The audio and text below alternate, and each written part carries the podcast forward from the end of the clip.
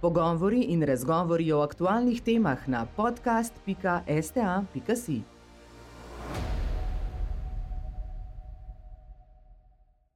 Spoštovane in spoštovani, lepo pozdravljeni v današnjem pogovoru, virtualnem pogovoru Slovenske tiskovne agencije v projektu projekta uh, oziroma v okviru projekta STA Znanost. Spletni pogovor smo danes naslovili od gozdov do domov, prihodnost trajnostne gradnje. Gradbeništvo je namreč odgovorno za približno eno tretjino vseh izpustov oglikovega dioksida, porabi približno toliko naravnih surovin, kot proizvede odpadkov. Odgovor na te izzive v gradbeništvu je les, naša slovenska nafta, lahko rečemo, s katerim bi lahko gradbeni sektor namesto izvor oglikovega dioksida postal njegov ponor.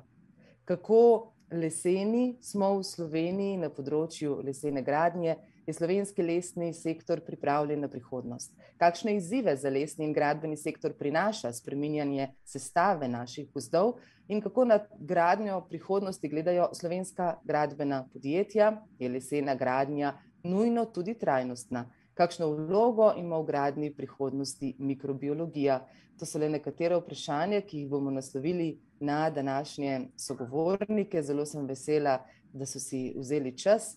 Z nami so dr. Istok Šuštršič, vodja raziskovalne skupine za trajnostno gradnjo na InnoReview, pa dr. Karen Butina-Ogorelec, podoktorska raziskovalka na InnoReview, dr. Goran Turk, predstojnik oddelka za gradbeništvo na Fakulteti za gradbeništvo in geodezijo Univerze v Ljubljani, dr. Miha Humar, profesor na oddelku za lesarstvo na Biotehnički fakulteti Univerze v Ljubljani in gospa Nataša Teraš Krojs, vodja razvoja in trajnosti pri podjetju Lumar. Lepo pozdravljeni vsi. Začniva midva, dr. Šušteršič, kako pri vas doma, bom rekla, skoraj v InnoReview, poskušate prispevati v smer trajnostne gradnje, ki jo uh, v današnjem času radi opevamo, oziroma o njej govorimo kot o prihodnosti. Kaj so vaši doprinosi in kakšne so vaše ugotovitve? Uh, jaz bi rekel, najprej lepo pozdravljeni vsi. Uh, jaz bi rekel, da poskušamo prispevati večplastno, uh, tako z vidika razvoja, kot potem predvsem tudi v implementaciji tega v prakso. Um, namreč Inarini kot center odličnosti je bil uh, ustanovljen z glavnim namenom prenosa inovacij v prakso, se pravi od te bolj akademske sfere, praktično sfero, če temu rečemo. Se pravi, če recimo fakultete, univerze delajo mogoče na teh nižjih stopnjah razvoja, bolj bazičnih stvarih, potem mi poskušamo te stvari spraviti na nek višji nivo, um, na katerem potem lahko pa morda tudi podjetja naprej potegnejo te zadeve dalje. Se pravi, da se s tem dviguje neka dodana vrednost naših lesnih podjetij, da se dviguje dodana vrednost produktov, ki jih lahko potem izvažajo kaj svojim naravnim resursom, um, mogoče z vidika proizvodnje ali pa pol proizvodov, pa na splošno lesene gradne, malce zaostaja za našimi severnimi sosedami in nikoli jih ne bomo uspeli ujeti na račun volumna proizvedenih materijalov. Lahko jih ujamemo ali pa celo prehitimo samo na račun bolj inovativnih izdelkov.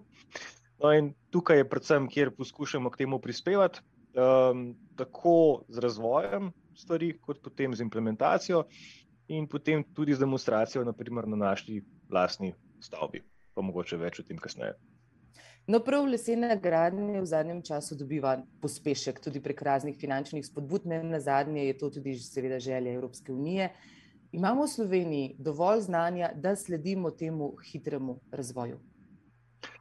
Jaz bi rekel, da znanje imamo načeloma dovolj, kjer se nam pa zatakne, oziroma se nam je do zdaj zatikalo, je bilo pa pri uh, kapitalu oziroma pri financah.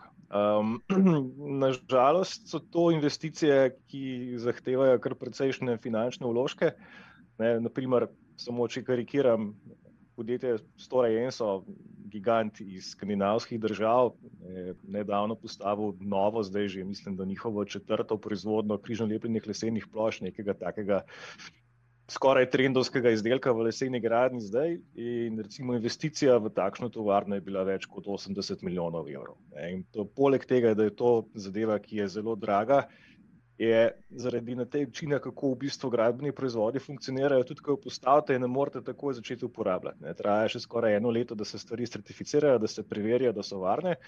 In to je tisto, se mi zdi, kar je do zdaj Slovenijo najbolj teplo, mogoče v tem pogledu.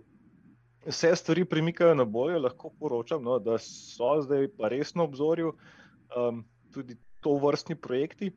Ampak, kar se poznanja tiče, pa mislim, da so naše univerze in naši inštituti, da imamo dovolj znanja tudi v bistvu v slovenskih podjetjih, da se je tega že toliko akumuliralo na podlagi preteklih, zdaj že nekaj deset let izkušenj, da vsekakor lahko naredimo to pozitivno spremembo. Me veseli, lepo to slišati. Doktorica Butina Ogorelec, V okviru ERC projekta, ki ga je pridobila doktorica Anna Sadnak, razvijate tudi inovativne materijale. Gre za žive materijale.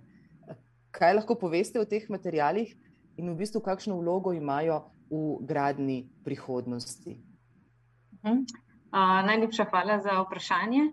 Um, živi materijali so kot že ime samo pove, materijali, ki vsebujejo žive komponente torej žive celice. Najpogosteje bi rekla, da dan danes gre za mikroorganizme, ker so leti pač bolj obvladljivi. V našem primeru gre v bistvu za uporabo gliv v kombinaciji z določenimi olji, ki služijo kot zaščita lesu, pa tudi kot hranila za glive. In morda bi bilo smiselno, da tukaj povem samo malo ozadja, kako je prišlo do, do te ideje kot uporabe gliv za žive materijale. In sicer leta 2010 je bil objavljen prvi članek na to temo, kjer so ugotovili, da les, ki je bil impregniran z oljem kot zaščita, poselijo določene glive iz rodu Aureobazidium in da te glive les pravzaprav zaščitijo, torej imajo nekako pozitivno vlogo, če so, nismo tako navajeni vedno. In iz to je potem prišla ideja, da bi se v bistvu iz tega razvilo material, ki bi omogočal zaščito lesa. In živi materijali imajo pred neživimi tudi to prednost, da torej rastejo in sami sebe obnavljajo. Ni treba, da recimo mi vsakeč na novo prepleskamo, ampak se bodo te glive same zarasle.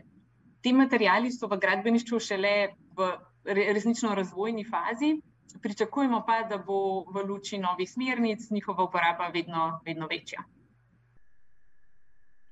Je prav to, da se same obnavljajo, njihova glavna prednost.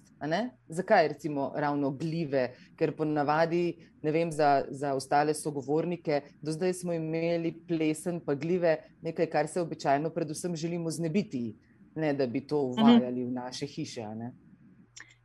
Ja, to je definitivno res. Gljive nimajo ravno, kako se reče, najboljšega renomeja. Eh, predvsem vemo, da kadar je prisotna vlaga, imamo ples, lahko pride seveda celo do razkroja in popoln, popolnega razpada lesa, kar je groza za uh, lesene hiše.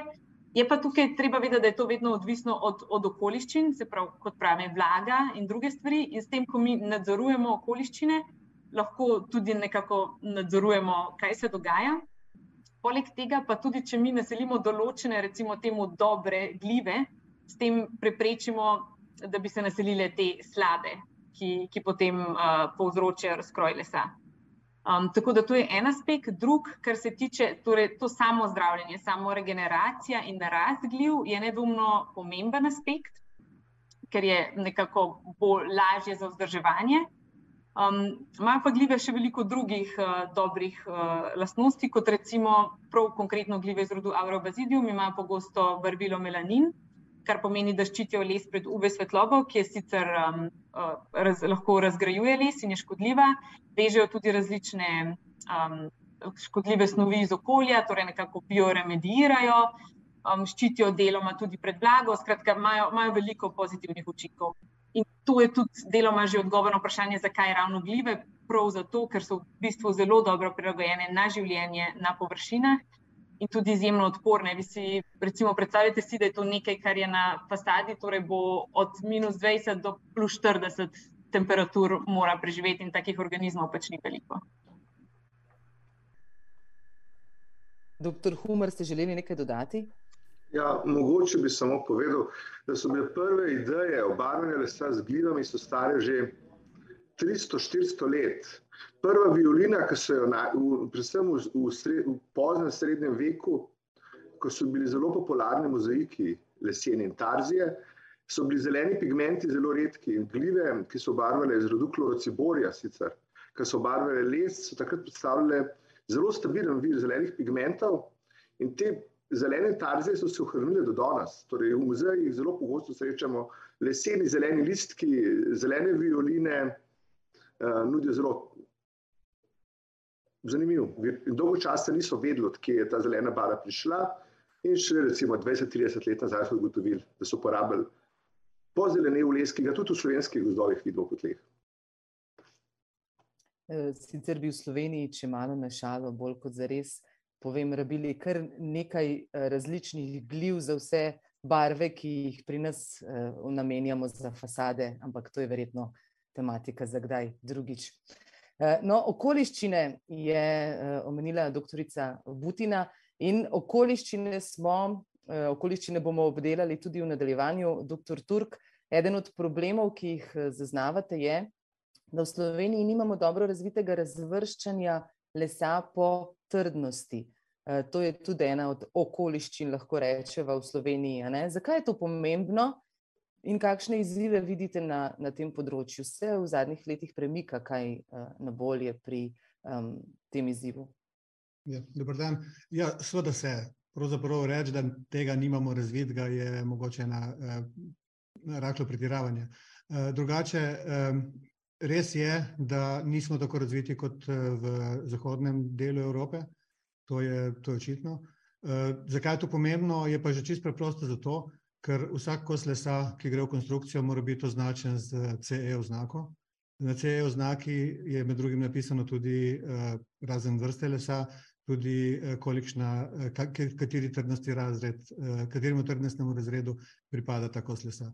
In seveda, če Eh, to, da lahko damo oznako CE na kos lesa, eh, je lahko samo po razvrščanju.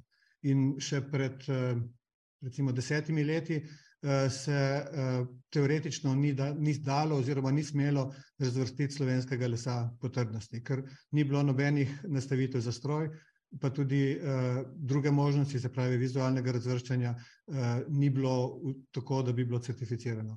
No, to smo z eh, več projekti, zaporednimi projekti, nacionalnimi in mednarodnimi, mednarodnimi spremenili, tako da danes seveda lahko eh, označimo našo smreko z trdnostnim razredom, z ustrezno CE oznako, eh, ampak seveda mora vsak, ki razvršča les, mora imeti certifikat.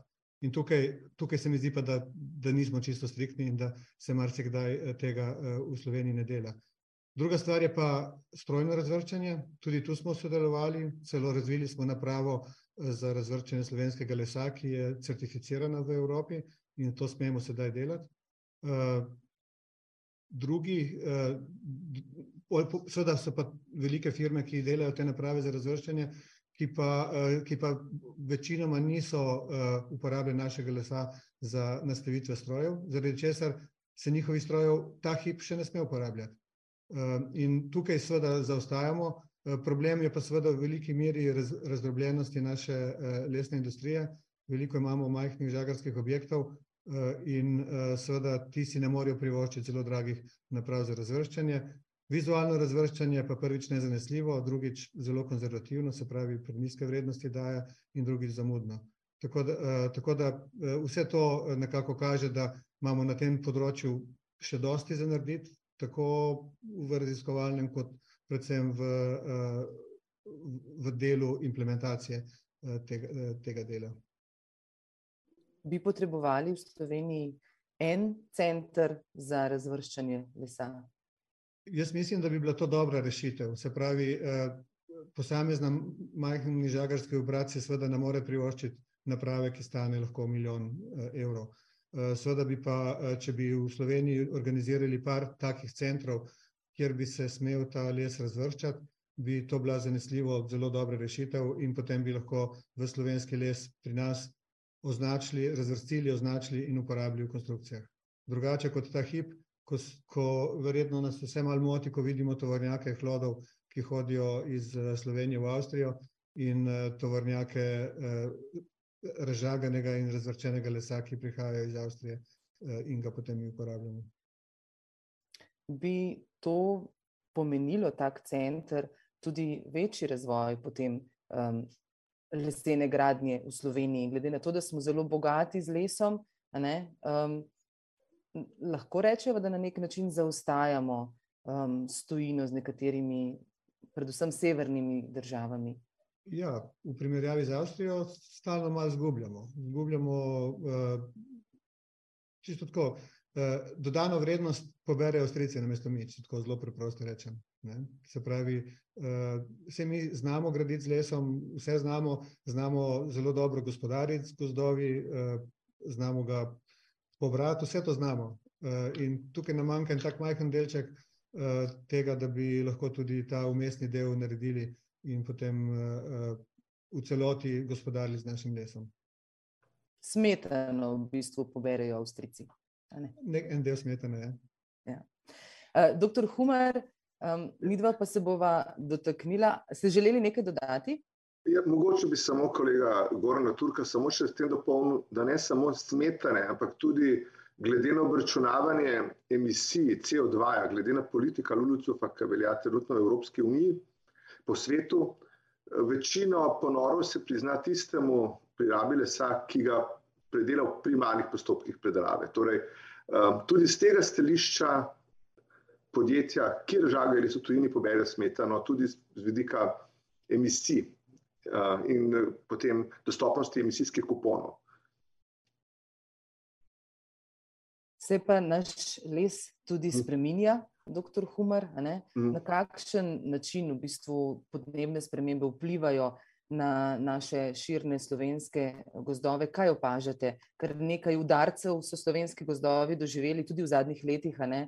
Eh, žled, potem eh, izjemen eh, napad oziroma razširitev podlubnikov, še vedno videvamo ehm, velike zaplate tudi rjavih smrek v tej zimi. Res je,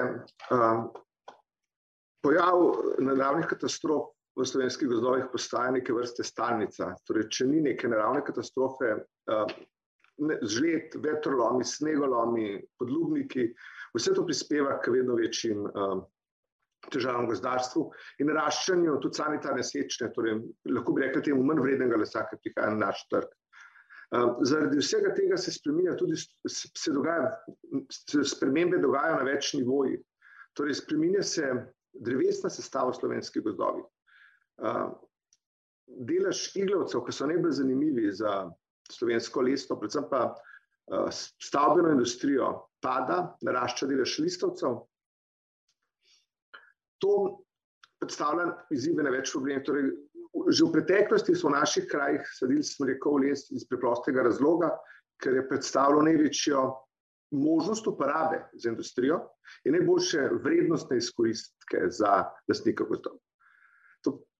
In Bukovina nudi slabše možnosti za zaslužek lastniku gozdova. Zato se tudi lastniki sami ne veselijo. To je en vidik, s katerim se soočamo. Drugi vidik pa je, da les, ki je zrastel do nas, ni nujno več enak lesu, ki je zrastel pred 50 leti. Uh, ne nujno na slabš, lahko tudi na boljš, uh, od lesne vrste do lesne vrste različno. Torej, na splošno hrast velika večina tega ljudi ne ve, ki raste hitreje, ima boljše lastnosti kot hrast, ki raste počasneje, pri iglavcih je pa ravno obratno. Z tega vidika se bo mogoče kvaliteta hrstovina v Sloveniji poboljšala, kvaliteta iglavcev pa poslabšala z vidika podnebnih sprememb. In um, drugi, tretji vidik, s katerim se pa soočamo, je, pa, je povajanje tujerodnih ali pa tujih lesnih vrst.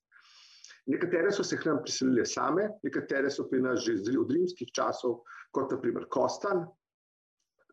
In tukaj se pa, tukaj se pa v bistvu predvsem gozdarska stroka sprašuje, kaj narediti. Na območjih, ki so zaščitena za naturo, seveda to ne gre, ampak na drugih območjih, naprimer, ki pa niso zaščitene, pa to mogoče smiselno. Ne? In še posebej dobro se je izkazala Duglazija.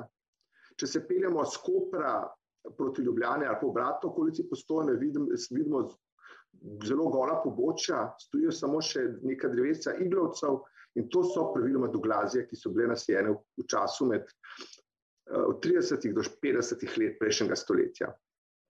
In ta les lahko v veliki meri se je izkazalo, recimo v naših raziskavah, lahko v veliki meri nadomesti les iglovcev tudi v konstrukcijskih namenih, če bo ustrezno certificiran, seveda pa razvrščen. Ampak ima potencial za to, da bi ga lahko uporabil. Um, tudi sicer velja mogoče pogledati z zgodovinskega vidika. Um, smreka je bila, kot ste rekli, prav zaradi vrednosti, ki jo ima za lastnika, nasajena umetno, če smem izraziti, uh, uporabiti ta izraz. Ja. Zdaj, s preminjanjem podnebja, verjetno prihajajo potem res nove vrste, ki bodo bolj prilagojene. Ja, tako, zdaj, če pogledamo rasti na pokluki v preteklosti, ki je danes recimo vzorčen, sem rekel, gost. Pokluka je bila zaradi razvoja eh, železarstva, paštištva gola, prazna, torej šav je raslo gor. V bistvu to področje je bilo umetno pogozdeno s smrekovino, Uh, ampak recimo, to so še dosta ugodna restišča. Ampak smreka pod 800 metri naj ne bi nadmorske višine ne bi preživela zaradi pihajočih podnebnih sprememb, ker za to okolje ni prilagojena. Enostavno bo teh, v tem okolju, mislim, bo prej ali slej propadla in jo bodo nadomestili druge lesne vrste. Zdaj, odvisno od gozdarstva, oziroma pa tudi odločitev stroke v Sloveniji, je, pa kaj bomo na tem gozdu uh, zasledili in kako bomo sledili ekološkim funkcijam, socialnim funkcijam gozda, pa tudi gospodarskim. Torej, da bodo, jaz pravim, da bodo lahko lastniki gozda otrokom kupili zvezke, pa čevlje um, v prihodnjih desetletjih. Doktor Turk, ste želeli nekaj dodati? Ja, hotel sem dodati, uh, Mihaj omenil uh, uvajanje novih vrst, kar je seveda zelo smiselno in, in, in prav, uh, ampak in v meni je tudi certifikacijo.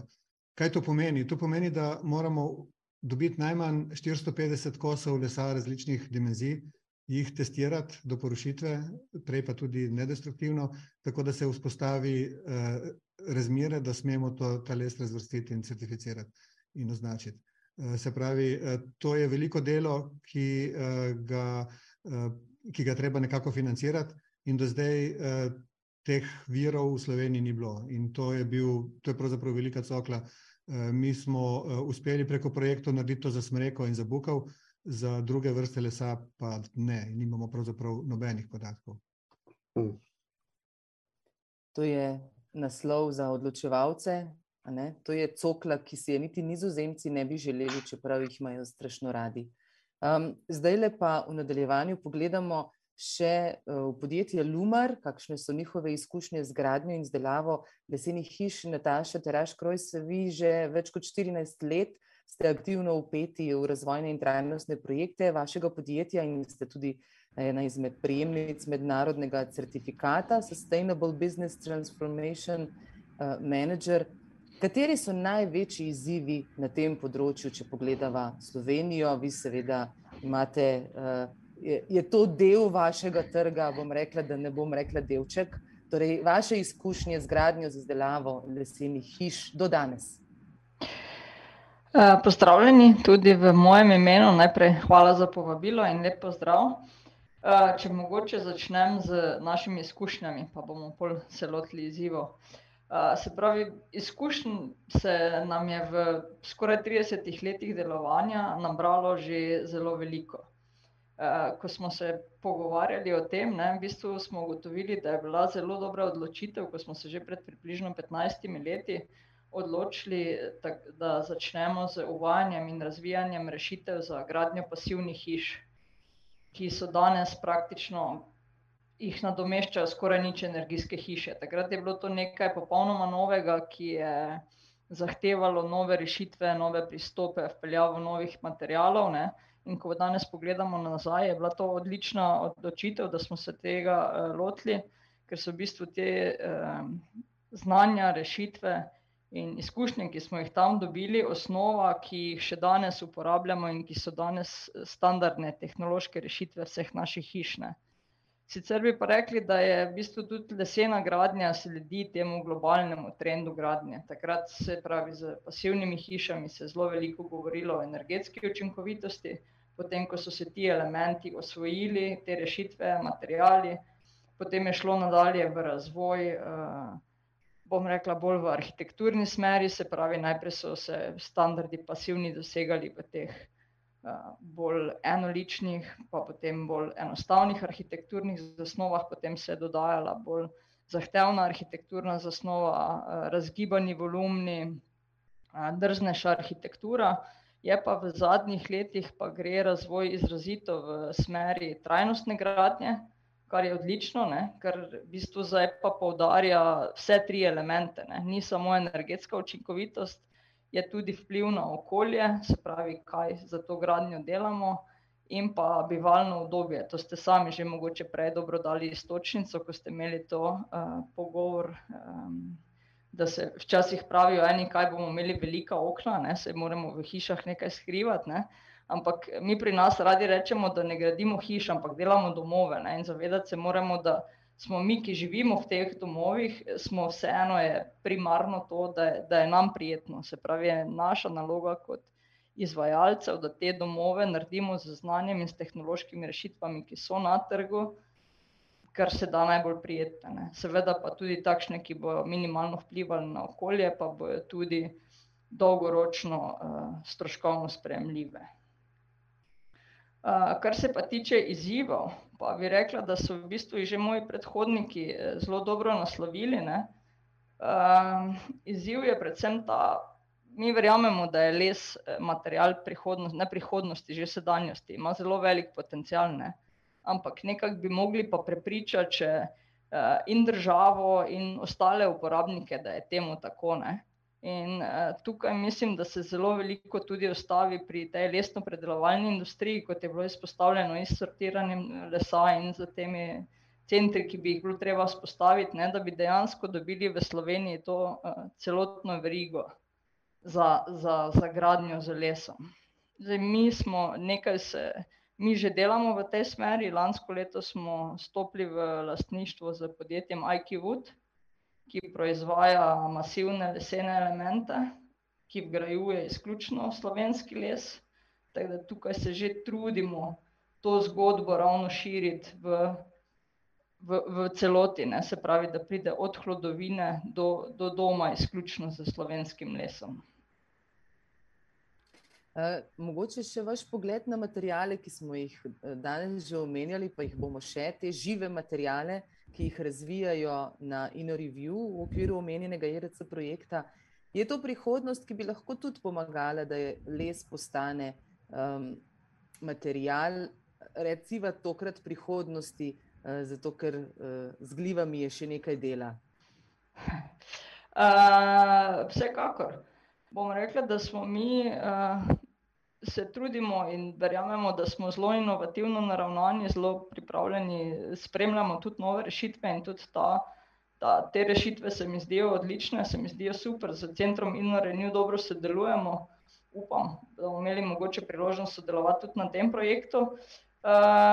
ja, tako da ta, ti živi materiali so vsekakor zanimivi tudi za prihodnost, ne, ta samozaščita, ki je bila predstavljena, pa dejanska zaščita lesa bo, bo bo, bo verjetno tudi doprinesla k večji uporabi, sicer se te, ti materiali zdaj, če sem prav zasledila, uporabljajo predvsem kot fasadne površine, ne, pri konstrukcijskem lesu v, v samih stenah še niso toliko razvite rešitve, ampak mislim, da ja, vsak, vsak mali korak v, v prihodnost naprej je pomemben, ne, da bomo skupaj, če bi rekli temu, prepričali tudi širši krog ljudi, da je gradnja z lesom nekaj, kaj nas lahko pelje v, recimo temu, bolj trajnostno prihodnost.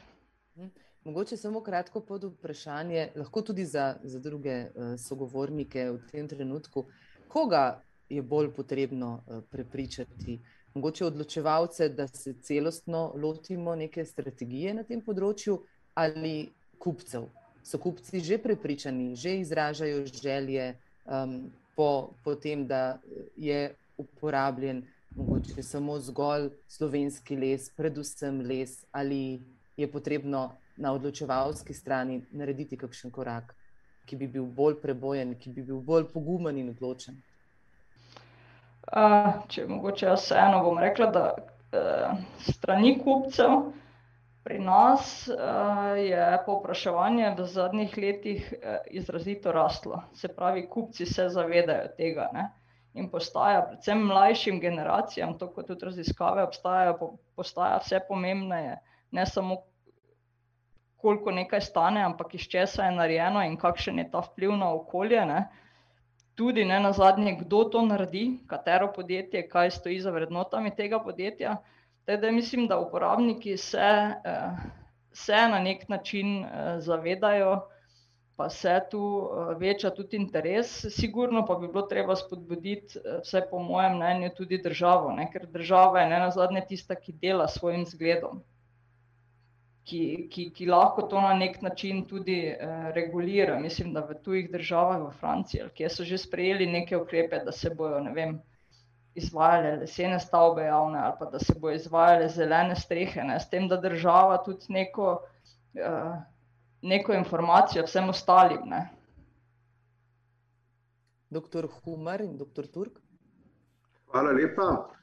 Jaz bi mogoče izpostavil nekaj primerov res dobrih promocijskih aktivnosti, ki so bili narejeni na primeru spodbujanja lesene gradnje, predvsem pobuda Odprte hiše Slovenije, se mi zdi, da je bila zelo dobro sprejeta, so lahko ljudje lahko ljudje vstopali v predvsem v javne objekte lahko vstopamo, v zasebne je težje vstopati in si pogledati pa se pogovoriti z ljudmi. Tako da se mi zdi, ta pobuda je bila zelo dobra. Tisto, kar se pa nam zdi, ko se ko se pogosto srečujemo pa z povezano z reklamacijami objektov lesenih, pa je na torej mislimo, da bi bilo predvsem recimo nad manjšimi izvajalci, nekaterimi bilo treba uskladiti nadzor, povečati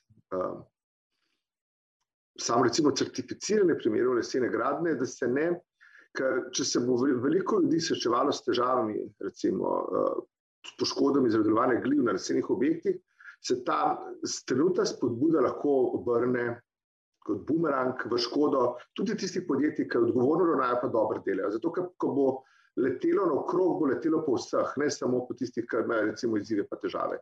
In ogromno se pojavlja manjših podjetjih, neizkušenih, in grem jaz ustanovim espe, pa začnem kar delati hiše. In noben, nič me ne prepričuje, da ne bi tega delal. In tukaj prihaja do recimo primerov, do primerov slabih praks pogosto, pri katerih pa zelo na hitro, na kratko potegnejo lastniki, investitorji, ki potem mečejo luč, slabo luč na cel sektor, to je recimo izziv, s katerim se ga soočam. In ena od rešitev, recimo primer iz Francije, kjer enostavno lesenih hiš ne zavarujejo, če niso zgrajene v skladu z vsemi standardi pa certificirani. Pri nekem proizvajalcu, ki je na neki način certificiran, priglašen, da se izognemo primerom slabih praks. Doktor Turk. Ja, jaz bi mogoče dodal to, da posamezniki, privat, seveda lahko razumejo, da je izgradnja z lesom dobra in in tudi konkurenčna, za pogosto se pa zgodi, da javne zgradbe so pravzaprav vezane na javne razpise, v javnih razpisih pa velja še zmeraj žal načelo najcenejše najboljše oziroma najcenejše tisto, kar moramo izbrati. In v tem primeru je, je to lahko problem za za gradnjo z lesom. Žal, žal se mi zdi, da je to še zmeraj tako in tukaj bi morala stopiti država z določenimi zahtevami, da bi se spodbudilo gradnjo, gradnjo z lesom.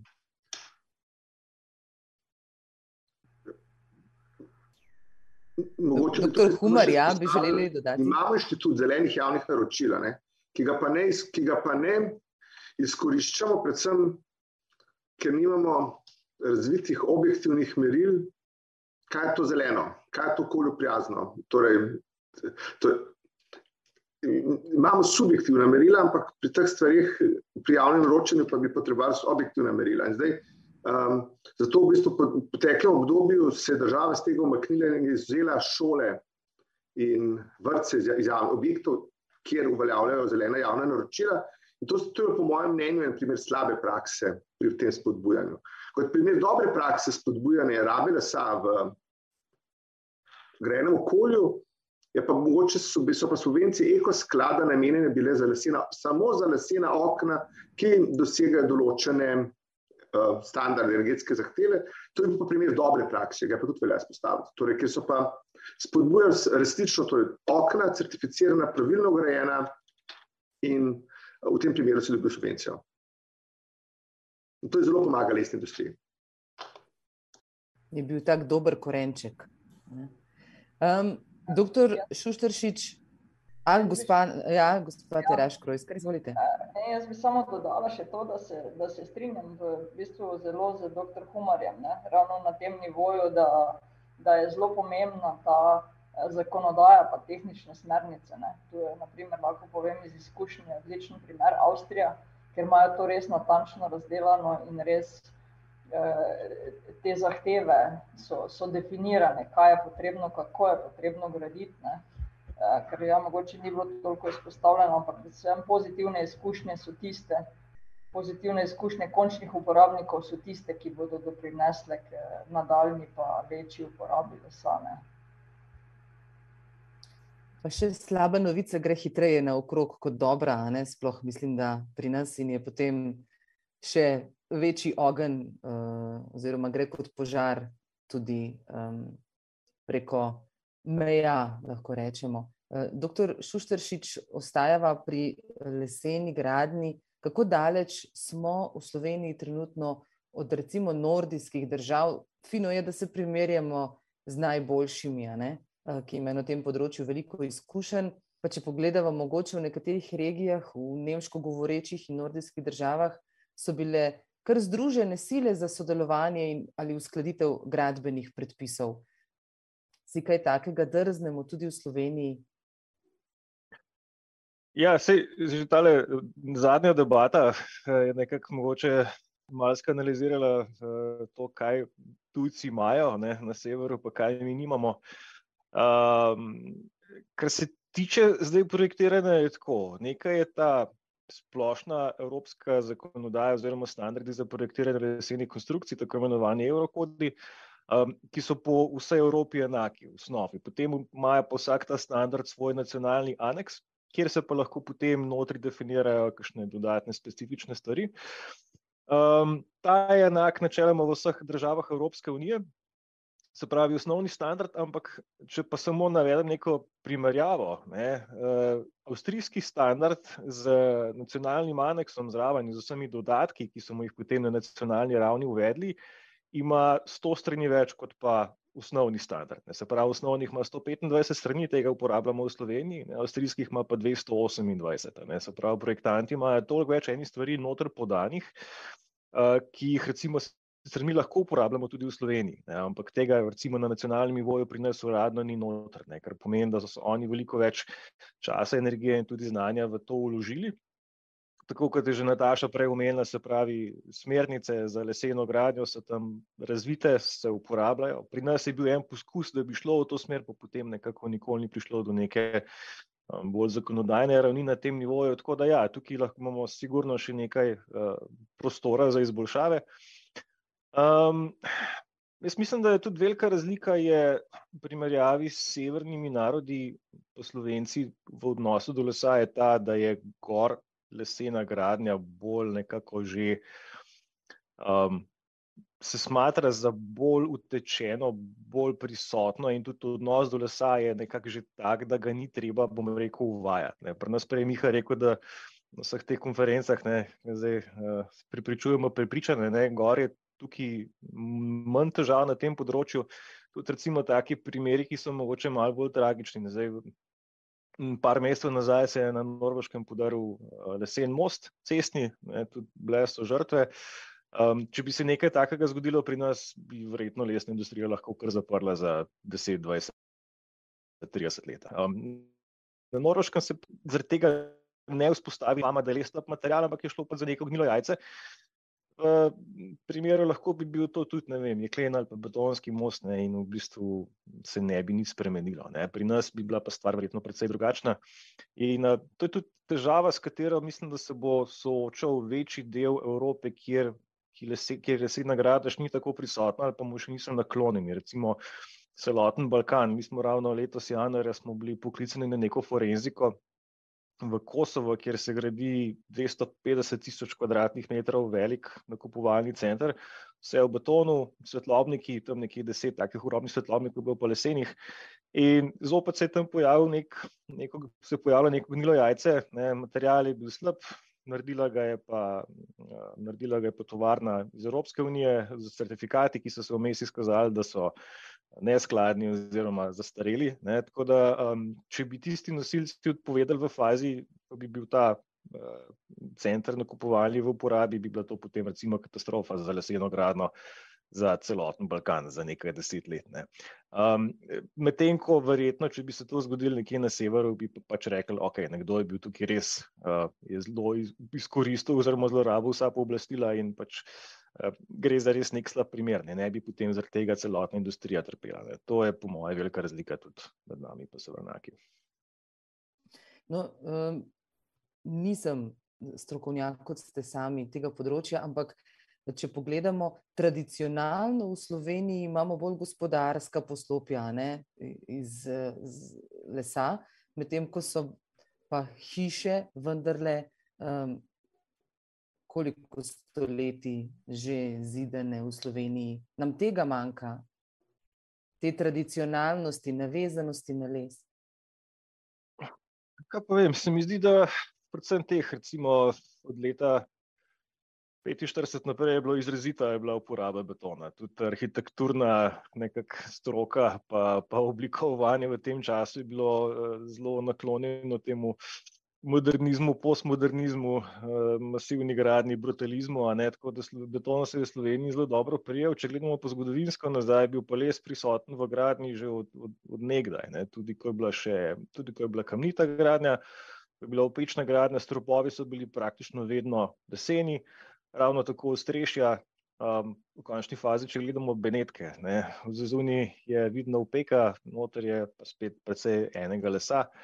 Ne, um, že zanimivo je to, zakaj so Benetke narejene iz opek in ne iz kamna, zato ker je bila opeka lažja, tako da so bile obremenitve na tla manjše, ravno tako potem tudi tiste leseni stropovi in lesena ostrešja, ki so bile noter, so zmanjševali obremenitve na tla.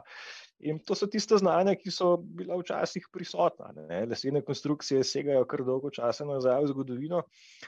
Zdaj, zakaj pa potem, recimo, naprimer v Avstriji, da je ta tradicija, da se je bolj ohranila uh, kot pri nas? Tukaj pa, pa dejansko ne znam podati dobrega odgovora. Morda bi kdo z fakultete za arhitekturo uh, znal tukaj bolj teoretično pojasniti, kakšna je bila recimo razvoj tipologije arhitektonske. Um, ampak se pa na srečo zdaj ta, to zavedanje počasi vrača nazaj, da je les popolnoma kompetenten gradbeni material in da imamo in znanje in orodja, da ga lahko popolnoma varno ugradimo. Sveda je pa treba potem biti zelo dosleden pri projektiranju in potem pri sami gradnji. Se, to je v bistvu na nek način skoraj bolj antropološko vprašanje, uh, ker že ko gremo čez mejo, severno v Avstrijo, srečujemo tradicionalne gradnje, uh, da ne govorimo o dolomitih, recimo, pa potem Francija. Um, pri nas se je na nek način uh, ta plas betona po letu 1945 pa zelo uveljavil. Doktor Humar, nekaj ste želeli še dopolniti. Hotel sem dodati, treba še mačkam dlje nazaj. Marija Terezija, ki je bila pa zanimiva, torej v avstrijskem delu cesarstva, je bila tako Avstrija, kot so bili torej večji del Avstrije, kot je tudi Slovenija, je predpisala gradbeni kodeks, ki je zahtevala, da so bivanski objekti vsaj ena soba, izde, niso izdelani iz lesa, da so izdelani iz negorljivega materijala. Predvsem zaradi zelo velikih požarov, torej zaradi požarov v tistem obdobju in obremenitve, ki so jih potem predstavljali brezdomci. In iz tistega časa izhaja v Sloveniji ta praksa, da so bivanski objekti uh, niso leseni, da je tako reči, ali pa vse pri možnejših družin, da niso leseni. Zanimivo pa je potem odmik tega. Torej, mi v Sloveniji smo bili zelo vedno strogi, natančni, vseh predpisov so držali kot pijanc plota. Um, recimo, Avstrijci potem imeli mn, in to je znano, že, pač, da smo mi zelo kot črkobralci v Sloveniji. Uh, Avstrijci so po določenem obdobju znali odstopiti od tega. Ne. Jaz pa zdaj le mogoče, prej, smo se pogovarjali o mostu, pokazal samo en primer enega mosta, ki se je podaril, samo kot je tak zelo simptomatičen primer, ki ga praviloma pokažem študentom na prvi uri predavanj. Uh, gre za most, gre za eno hiško, crkvo, nekje v čeških hribih. Na, do crkvice je vodil lesen most.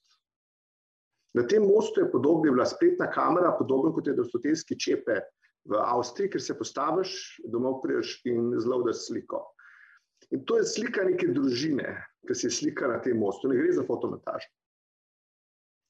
Na srečo se ni nikomu ni nič zgodilo, ne, tako da rečem, to je resnega, zlomljene stvari so bile seveda. Ne.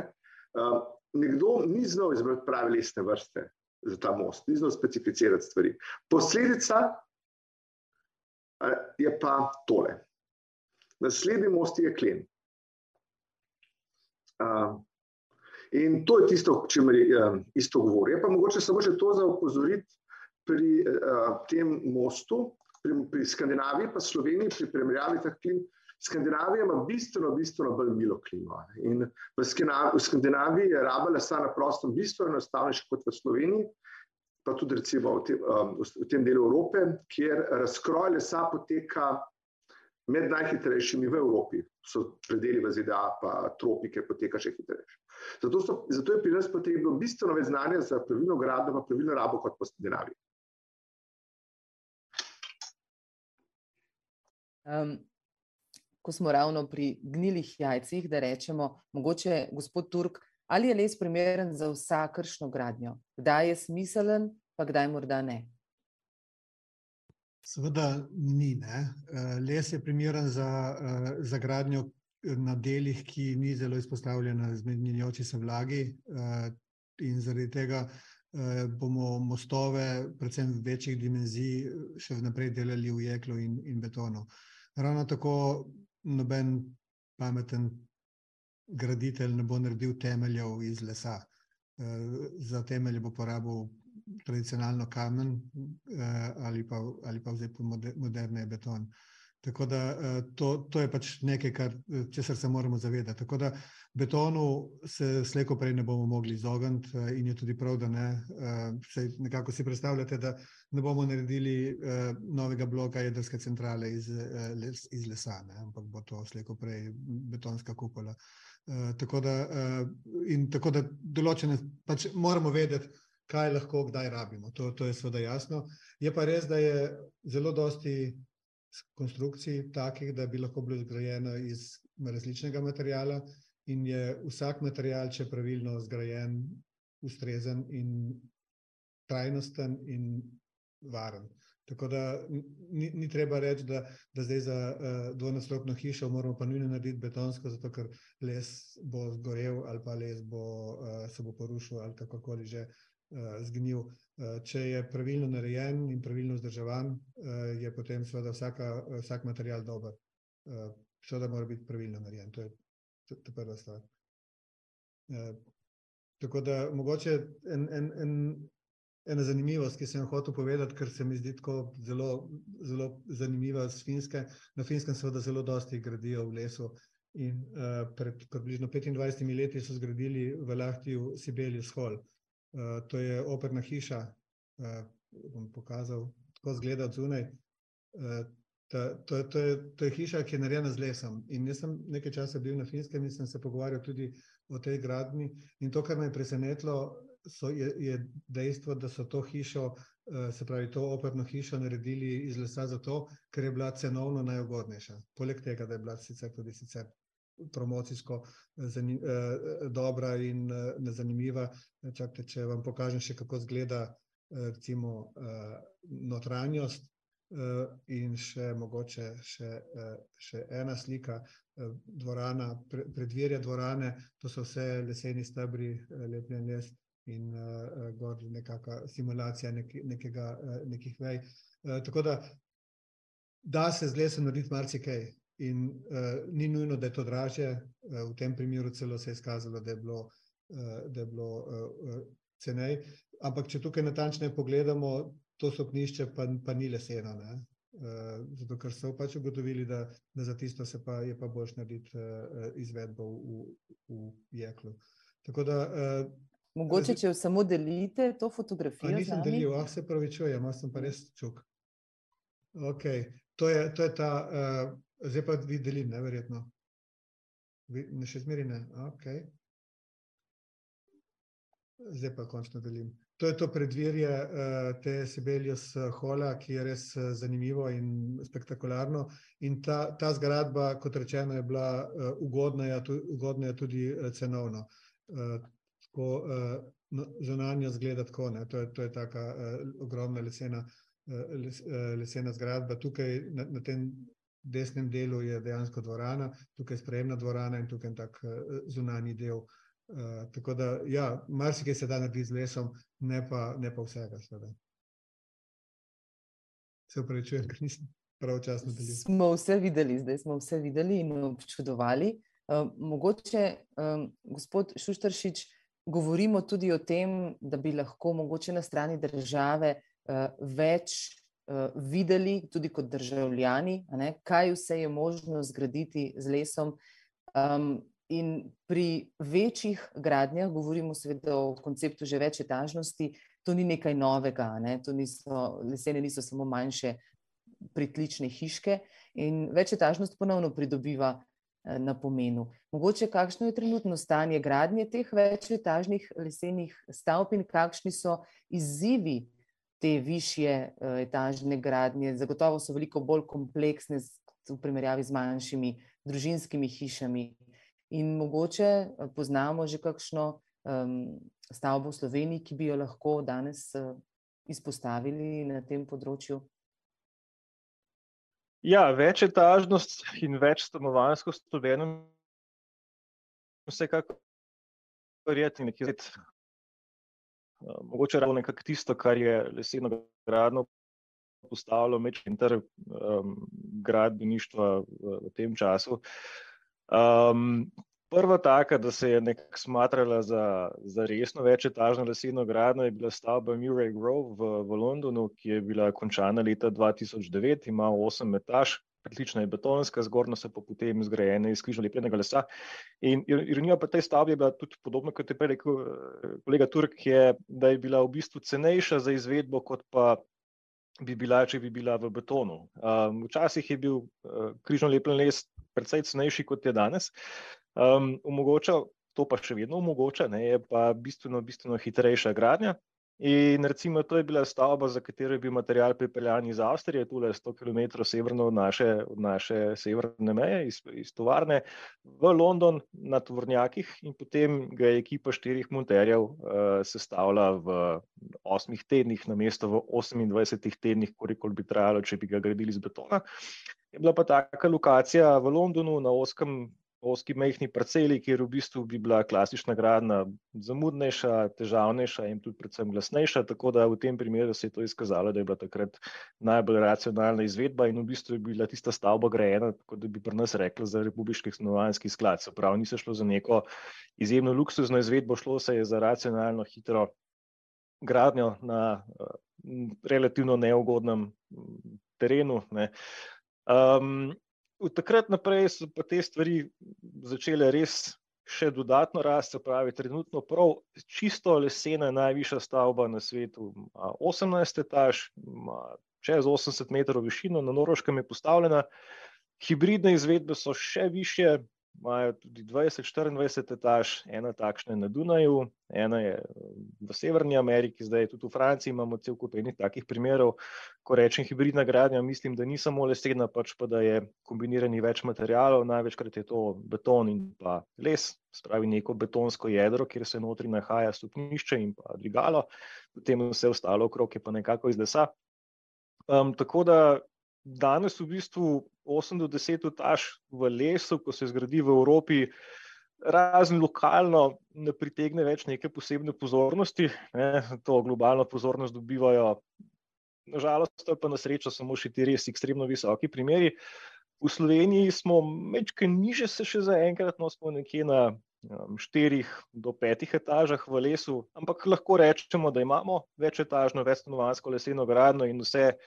Um, so kompleksnost, ki jih pritiče. Ne, tukaj mogoče prihaja do drugega dela vprašanja, se pravi, lesena, večetažna, večstanovanska gradnja je bolj kompleksna v primerjavi z betonsko.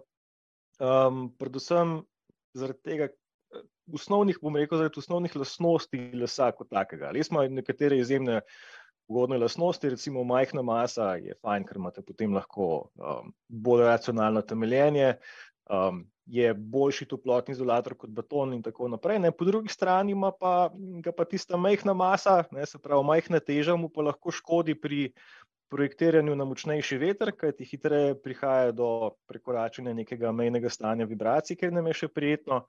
Um, to, da je um, v enem gorljiv material, ne, je lahko tudi uh, težava, če ni primerno reševana. Seveda imamo tehnologije, da lahko to vse že popolnoma obladujemo, sploh recimo za take desetetažne objekte, to danes ni več nek bav, ampak vse jih treba pa upoštevati. Ne.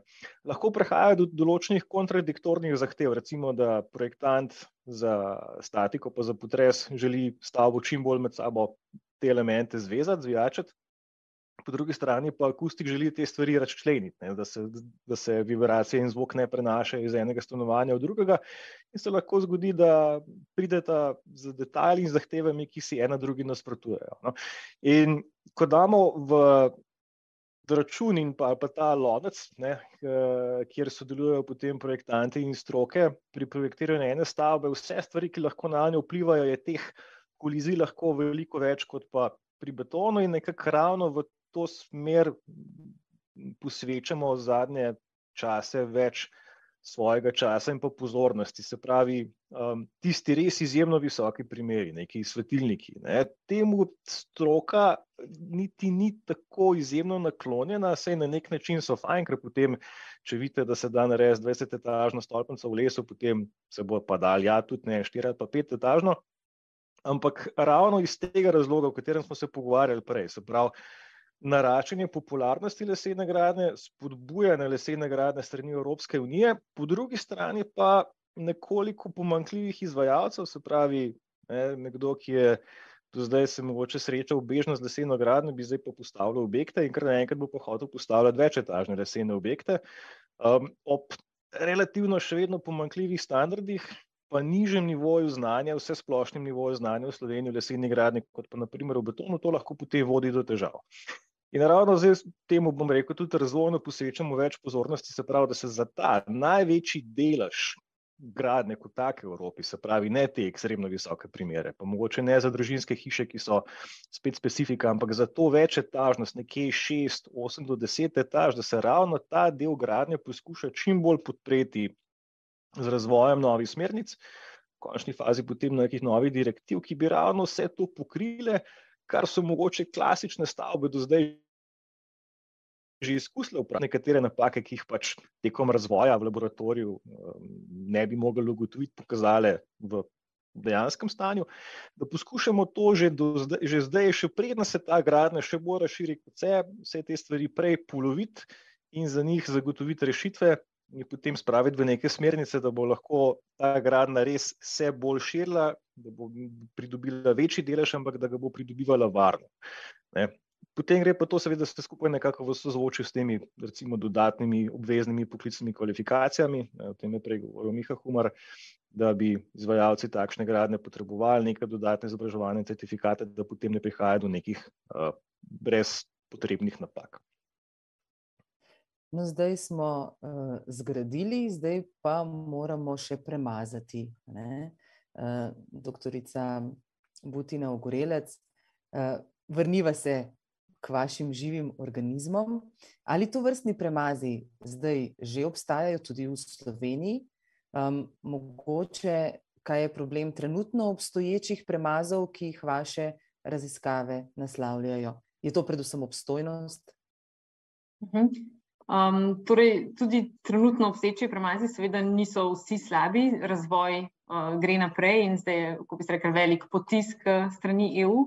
So pa recimo nekateri klasični problemi, um, obstojnost, kot ste že sama omenila, se pravi, da se te premazi, da jih je treba obnavljati. In pa tudi, da um, pogosto vsebujejo kakšne okolju neprijazne ali pa celo zdravju škodljive snovi. Um, kar se tiče vprašanja, če te premazi že obstajajo, um, eno podjetje že obstaja, sicer ne v Sloveniji, ampak na Nizozemskem, eno podjetje, za, za katerega jaz vem, no, morda še kakšno, za katerega ne. Um, imamo pa v bistvu prav na naši zgradbi, na InnoRenew zgradbi, že apliciran um, pač ta premas. Tako da ta premas v Sloveniji imamo, nimamo pa še podjetja, ki se s tem ukvarja. Torej, si lahko ogledamo vaše gljive. Kakšne barve pa so? Uh, črne. Črne. Tem, temne, no, zdaj ne prav mogoče črne, črne, ampak, ampak temne, zaradi pač tega pigmenta. Uh -huh. no, do zelo popularne rumene, pa roza, pa modre, bomo pa še, bomo pa še prišli. Uh, no, ampak da bomo sploh lahko gradili, um, doktor Turk, bomo potrebovali tudi kaj kadra. Uh, število upisanih študentov pri vas, kako kaj kaže? Opažate kaj zanimanja, um, ali bo tudi v prihodnosti na kadrovski primankljaj, tudi na področju gradbeništva. Strokovnjakov, predvsem, kot smo slišali, jih potrebujemo. Ja, kriza, gospodarska kriza je bila okrog leta 2010. Eh, to se je potem v gradbeništvu eh, nekoliko zamaknilo in je v gradbeništvu huda kriza prišla leta 2011. Mogoče takrat so propadla nekaj naših večjih podjetij, kot je SCT, Kraški zidar, Primorje. Žal, moram reči, ne, to je bila pravzaprav velika škoda za gradbeništvo. Rezultat tega je takrat bil rapiden upad zanimanja za študij gradbeništva, povsod na vseh študijih v Sloveniji. Eh, in eh, nenavadno je to, da je, čeprav se je gradbeništvo relativno hitro pomoglo, vsaj po obsegu izvedenih del, je upis bil slabši vsaj pet let. Vsako leto na novo, ko smo gledali prijave, smo rekli, no, se je slabš kolani, pa ne more biti, pa je bilo. Ne? To je bilo kar nekaj let zapored tako. No, ampak na srečo zadnje tri leta vendarle opažamo porast in zdaj smo že dve leti upisali uh, polno število študentov, se pravi toliko, koliko je bilo razpisnih mest, toliko smo jih upisali. Ampak seveda, študij teoretično traja do magisterija pet let, uh, praktično šest, sedem ali več let, uh, kar pomeni, da če se nam je študij začel večati pred tremi leti, lahko pričakujemo rezultate našega dela šele čez tri ali štiri leta.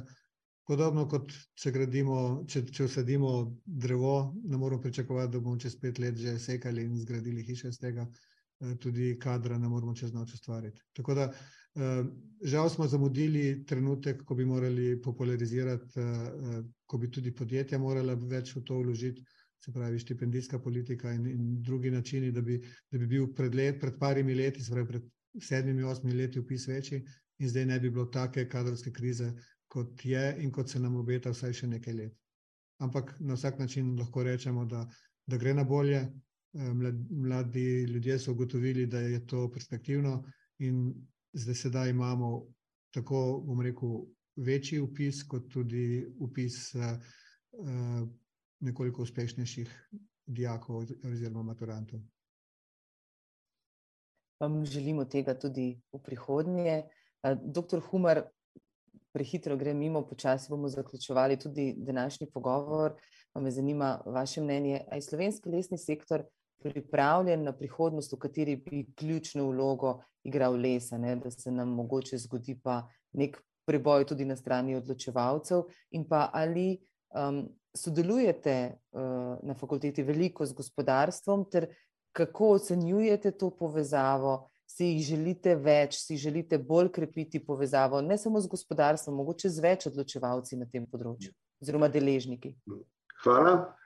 Zdaj, oddelek za lesarstvo na biotehnički fakulteti je nastal zaradi pobud in potreb gospodarstva. Prostor, večina prostorov, v katerih se mi nahajamo, je takrat počela slovenska lesna industrija kot investitor, zato da so te prostore zgradili in postavili program, glede na potrebe takratne slovenske lesne industrije. Seveda se je slovenska lesna industrija v teh 40 letih posebej spremenila, iz neke množične proizvodne za sovjetski, jugoslovanski trg, se je usmerila v butične izdelke. In meni, jaz razumem, meni je posebno jasno, da takšnih številk zaposlenosti, kot jih je imelo v preteklosti, tega ne moremo nikoli več doseči. Zaradi robotizacije, avtomatizacije, dviga produktivnosti, to je jasno, da mi ne potrebujemo več toliko, ne rabimo več toliko fizično delati, ampak moramo z glavo delati. Večina, recimo, eh, k temu stremimo na nek način. In mi se trudimo, da smo tukaj sogovornik slovenske lesne industrije. Eh, trudimo se, imamo srečo, ker, kako se mi reče, temu proizvajamo, izobražujemo na kadre, s katerimi se potem skušamo ohraniti stike, tudi ko gredo v proizvodnjo, torej ko stanijo v gospodarstvu.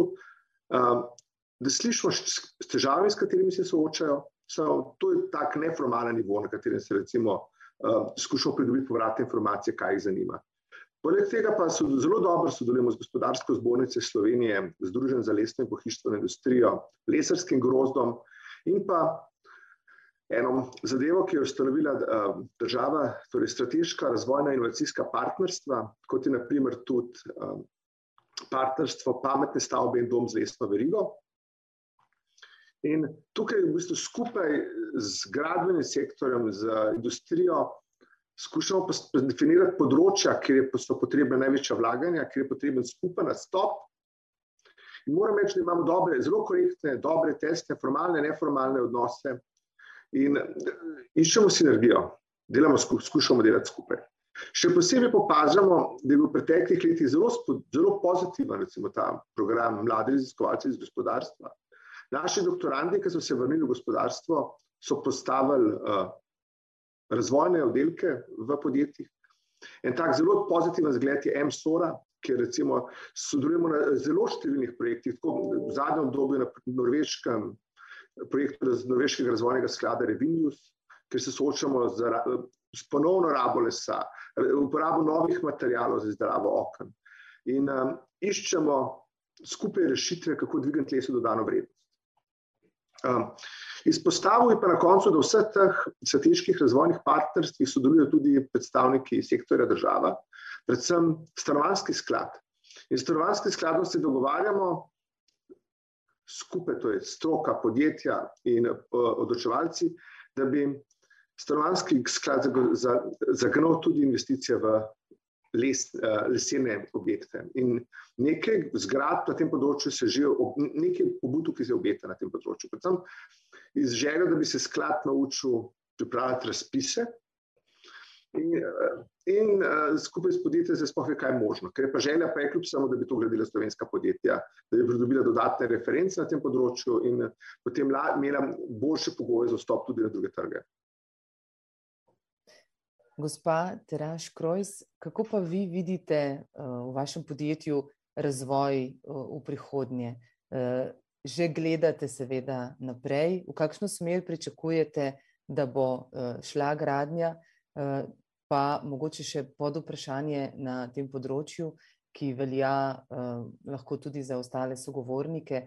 Lahko pričakujemo, da bi, glede na to, da eh, govorimo eh, o velikih besedah, kot so zeleni preboj, ne, da bi bila lesena gradnja lahko um, bolj dostopna v prihodnje tudi uh, v Sloveniji potrošnikom, državljanom in uh, državljankam.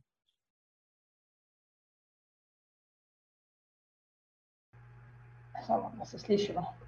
Uh, hvala za vprašanje. Mogoče najprej odgovor na ta, ta drugi del. Uh, jaz bi v bistvu rekla, da tudi za spodbudami ekosklada ne, je, je lesena gradnja že danes eh, zelo dostopna, pa cenovno tudi zelo primerljiva. Ne. To je zdaj ta paradoks, o katerem je bilo tudi prej govora v primerjavi z zidano ali pa mi radi rečemo klasično gradnjo. Ne je tudi ta, da vi v bistvu pri gradni lesenih hiš govorimo o gradni z ceno na ključ. Se, se pravi, vi dobite v prvem trenutku že končno ceno celotne investicije. Ne? In ne malo krat se zgodi, da se to primerja z nekimi parcialnimi rešitvami. Ne? Na področju klasične gradnje smo v Sloveniji imamo zelo radi samo graditeljstvo. Ne?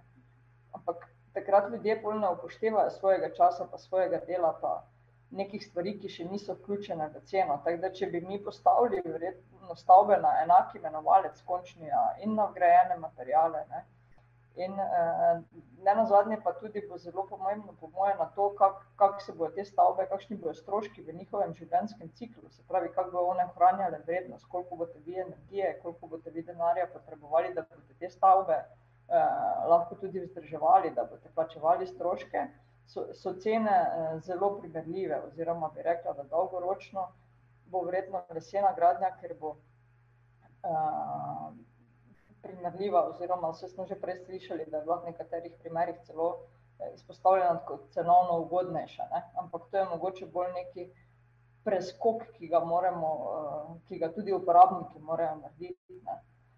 Kar se pa tiče razvoja, smo pa tudi že danes nekaj govorili. Ne? Po eni strani so to, v bistvu mi vidimo kot razvoj, mi smo nekdo, ki ponujamo končne storitve, se pravi, naš, naš input in naš razvoj gre na različnih nivojih. Ne? Eno je sigurno na, raz, na nivoju eh, materijalov, tehnoloških rešitev. Ne?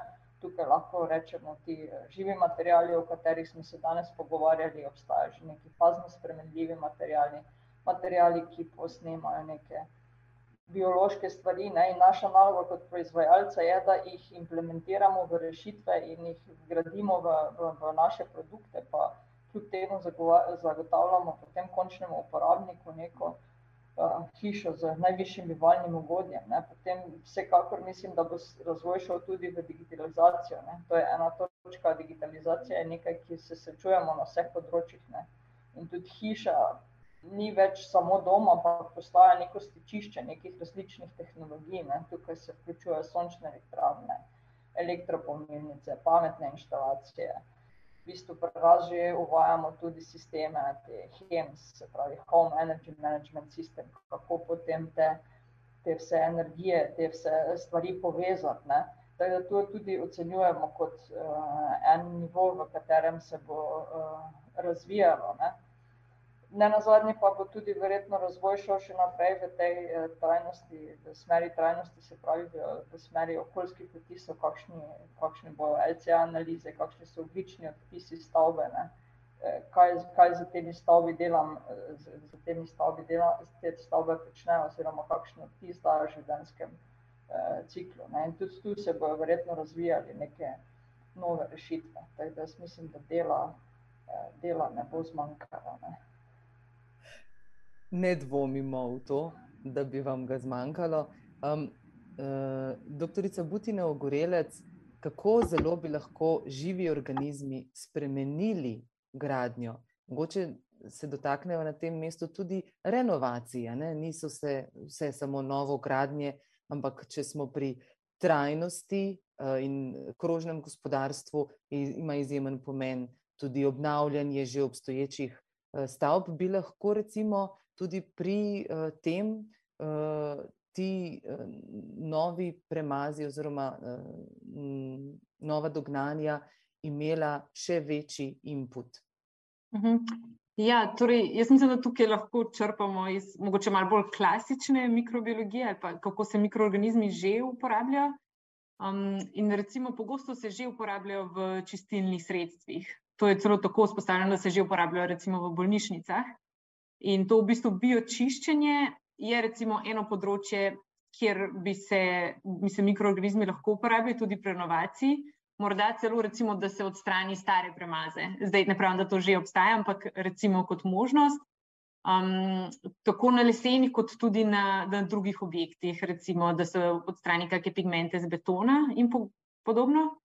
Um, potem, recimo, se lahko spet v primeru betona, se že uporabljajo, spet na nizozemskem je eno podjetje, kjer se uporabljajo mikroorganizmi, da v bistvu zapolnijo te pore, da naredijo tako nekako nov beton. To, tudi to je eden izmed načinov, in pa potem, seveda, kot smo že govorili o zaščitnih uh, premazih. Je pa tukaj spet treba izpostaviti, da če bi se recimo to uporabljalo že štart, bi bilo tudi te renovacije tako rekoče malo manj, ker ne bi bilo treba stalno odstranjevati starih in, in aplicirati novih premazov, ampak se recimo v primeru teh naših živih premazov samo še enkrat aplicira olje, ki je v bistvu hranilo za te uh, mikroorganizme. Hvala lepa, prosim še za zaključne eh, misli v tem trenutku. Mogoče, doktor eh, Šušteršič, vi ste vodja raziskovalne skupine za trajnostno gradnjo na InnoReview, um, vi gledate v prihodnost. Ne? Nimate čarobne krogle, verjetno na veliko žalost vseh nas, ampak um, kako velik je, mogoče, če za zaključek, um, ta razpon med sedanjim uh, stanjem lesene gradnje, trajnostne gradnje, če smo mogoče bolj uh, na trajnost uh, osredotočena, pa tem, kaj prinašajo vaše raziskave. Kje vidite mogoče um, neko potrebo po bolj pogumnem koraku v to smer prihodnosti?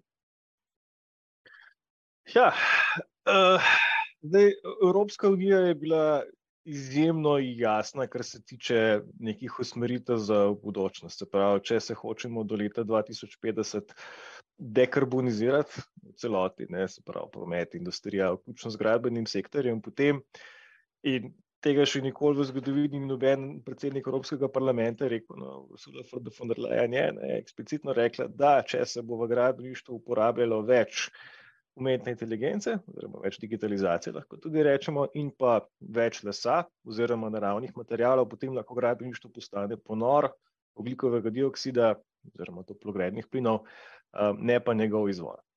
In trend bo v naslednjih desetletjih bo zelo jasen, ne, ko enkrat Unija da neko smernico, jasno, da bo šlo več raziskav, investicij in potem tudi v praksi več uh, rekel, sredstev v samo leseno gradnjo. Zdaj, naša vloga tu, vsaj tako jaz vidim, je, da poskušamo to narediti čim bolj gladko, varno in cenovno ugodno za vse udeležene.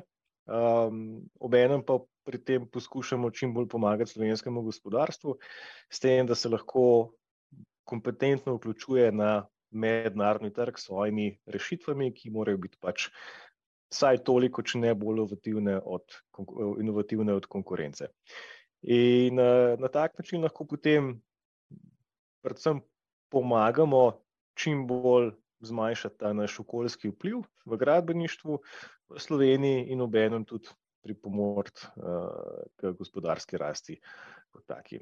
No, tako da v bistvu mi bomo še naprej verjetno v to smer delovali, prav po eni strani razvoj, po drugi strani prenos v prakso in pa potem seveda osveščanje vseh deležnikov, ki so v tem procesu, od um, izvajalcev do investitorjev, do nevladnih organizacij, do vladnih organizacij, ki potem tudi vplivajo na zakonodajo, ki je pa seveda tukaj zelo pomembna. In um, obenem pa seveda poraba slovenskega lesa, ampak to takšna, da je gospodarjenje z gozdovi še vedno trajnostno. Ne. So neke tendence, da bi se spet omogočalo bolj. Da bi se spet omogočali goloseki, in tako naprej. Pač, če to omogočimo, potem celotna ta paradigma trajnostne lesene gradnje pade. Ne? Če um, z gozdom ne gospodarimo trajnostno, potem uh, je to ni prav zelo trajnostna gradnja. Ne?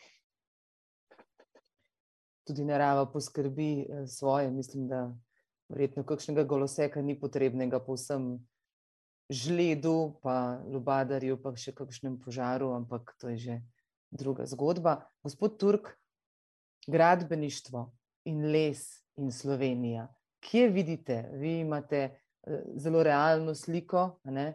Um, in vidite, kako uh, v bistvu se dotikamo gradbeništva, kako ga naslavljamo v zadnjih letih, da smo, kot ste prej rekli, zamudili kakšen vlakec, ampak upam, da samo vagonček. Kje vidite Slovenijo zdaj naprej na tem področju? Kako lahko mi, ki se promoviramo kot zelena država, stopimo v ta uh, korak in vendarle, da je ta korak vzdržen? Ja, jaz, sem, jaz sem vedno optimističen, zato tudi tukaj mislim, da je V Sloveniji so seveda naravne danosti take, da je, eh, se gradnja z lesom sama po sebi ponuja. Poleg tega vem in verjamem, da imamo v Sloveniji dovolj znanja. Se pravi, če bomo skupaj delali uh, v tem cilju, ne dvomim, da bomo čez 20 let lahko govorili o večjem deležu gradnje, trajnostne gradnje in s tem tudi gradnje z lesom. Gospa Teraš Krojs, vi imate že dovolj dela, ne? Seveda si ga želite, seveda si ga želite uh, še več. Kakšne, um, kakšnega izgleda uh, želite Slovenijo, mogoče v, v prihodnje? Če se si želite med željami, uh, mogoče vaših kupcev? V bistvu bi rekla, da je tu naša. Uh, želja, pa poslanstvo, predvsem že izhaja iz nekega slogana. Ne? ki smo si ga zadali, takrat že, ko je bila firma ustanovljena, pa danes vidimo, da dejansko je neka besedna zveza, ki bo veljala verjetno zmeraj, živeti najbolje. Zdaj, kako to doseči, je pa potem nekako naša naloga. Ne? Se pravi, ampak želja je, da bi še vnaprej lahko razvijali tudi s pomočjo uh, inštitucij, ki so bile danes z nami, ne, ki pomembno doprinesejo k razvoju in implementaciji nekih novih idej, pa novih rešitev, uh, k ustvarjanju dejansko samo rečemo, boljše prihodnosti za vse nas. Ne. Se pravi, objektov, ki bodo trajnostni, ki bodo imeli mali vpliv, ki bodo pa ponujali v prvi vrsti eh, zelo prijetno bivalno ugodje, pozitivne izkušnje. Ne. In bomo bolj skupaj tako če poetično zaključim, ne? da nam bo vsem v prihodnosti tudi potem lepše in lažje. Ne? Hvala lepa.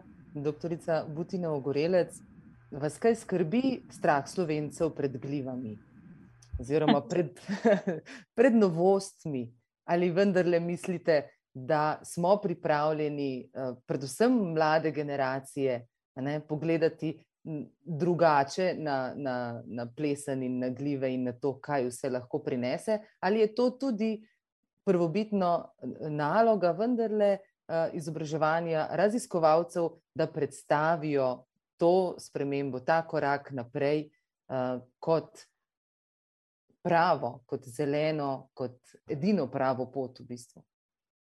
Um, ja, jaz mislim, da je to nedvomno izziv, um, nekako mogoče malo spremeniti ali pa uh, razširiti miselnost, so pa točno taki dogodki, kot jih vi organizirate danes, uh, v veliko pomoč in tudi inštitucija, na kateri delam, torej InnoRenew, mislim, da se v tej smeri zelo trudi.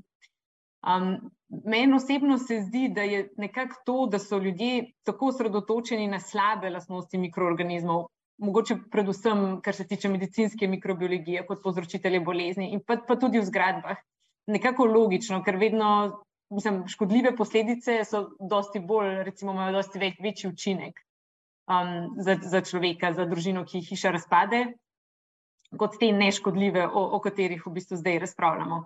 Zdi se mi pač pomembno ljudem predstaviti, da z napredkom znanosti je zdaj omogočeno, da mikroorganizme v bistvu uporabljamo tudi v dobre namene. Da to so nam omogočila desetletja in desetletja raziskav.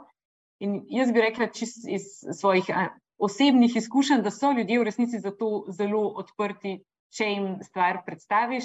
Tako da jaz sem res eh, pozitivna no? in mislim, da je, da je definitivno možno, da, da se bo to um, vzpostavilo in da bodo ljudje to tudi sprejeli. No, sicer smo pred prazniki, ko zelo veliko uporabljamo gljive kvasovke. Ja. Da mogoče, če smo že ravno pri dobrobiti gljiv, jih že imamo vsak v svoji kuhinji.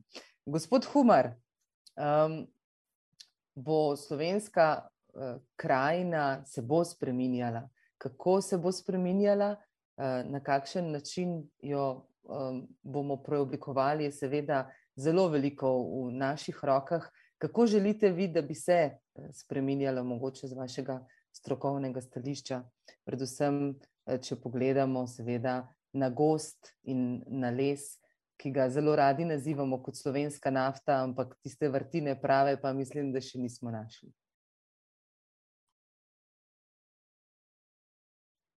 Samo še mikrofon, bomo bolje se slišali. Ja.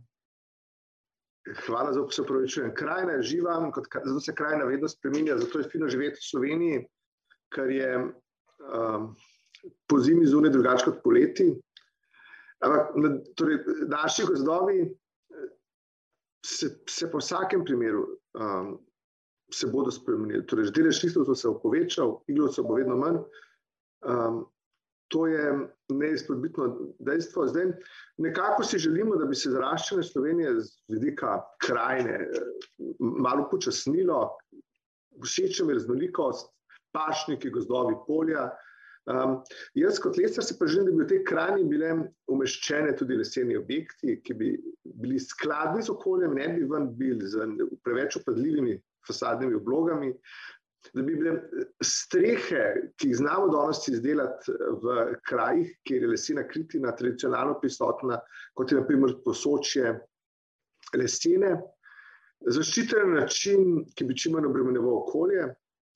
Um, in da bi bilo tudi čim več lesene infrastrukture v naših cestah, lesene, ki nam omogoča uh, prijaznejši pogled, kot pa kakšne, je okolju prijaznejša kot pa recimo kakšni fosilni materijali ali pa materijali, za katerih obdelav se porabi bistveno, bistveno več energije. Les je v bistvu edini material, ki ga uporabljamo, ki ga ni pred uporabo, ni treba se greti na visoko temperaturo. Vse ostale materijale, gradbene, praviloma treba se greti na visoko temperaturo, že zato kot tak je okolju prijaznejši. No, jaz imam ob koncu pogovora, seveda, poziv za doktorico Butina Ogorelec, prosim, pri glivah bodite pazljivi in pripravite samo treh barv premaze, bomo potem imeli uh, tudi pogled drugačen. Uh, bi to šlo, ne? na ino review, mogoče dr. Šušteršič, lahko en tak božični poziv. Bi šlo, se osebno, subjektivno strinjam, tako da se bomo, se bomo trudili v tej smeri, da bodo tudi očem prijazne barve. Hvala lepa. No, to je bilo za tak nasmeh, za zaključek današnjega pogovora. Vzeli smo si čas, ker se mi zdi pomembno, da si za uh, takšne pogovore ga vzamemo večkrat in pa uh, več. Hvala lepa, da ste si vzeli čas tudi vi, spoštovani uh, vsi strokovnjaki svojih področji in da smo združili tudi različne poglede v današnjem pogovoru. Hvala vam, preko 150 vas je bilo, ki ste nas spremljali v živo kar nekaj vas bo verjetno, ki nas boste spremljali potem še v posnetkih, ki so na voljo na sta.uživo.si.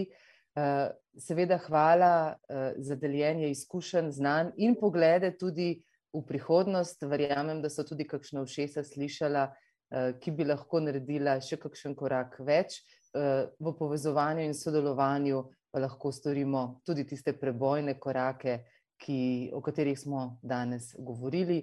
Obilo energije vam želim za vaše delo, spoštovani sogovorniki, tudi v prihodnje, seveda lepe praznike, vse dobro in verjamem, da se bomo še slišali. In kot je slogan, ki ga veliko krat izrečemo, les je lep, eh, naj lepo stane in naj, naj nam bo v večji ponos, kot nam je mogoče zdaj, do sedaj, oziroma v še večji, bomo rekli. Hvala lepa za čas. Eh, srečno tudi v novem letu in do prihodnjič vse dobro. Nasvidenje. Pogovori in razgovori o aktualnih temah na podcast.sta.si.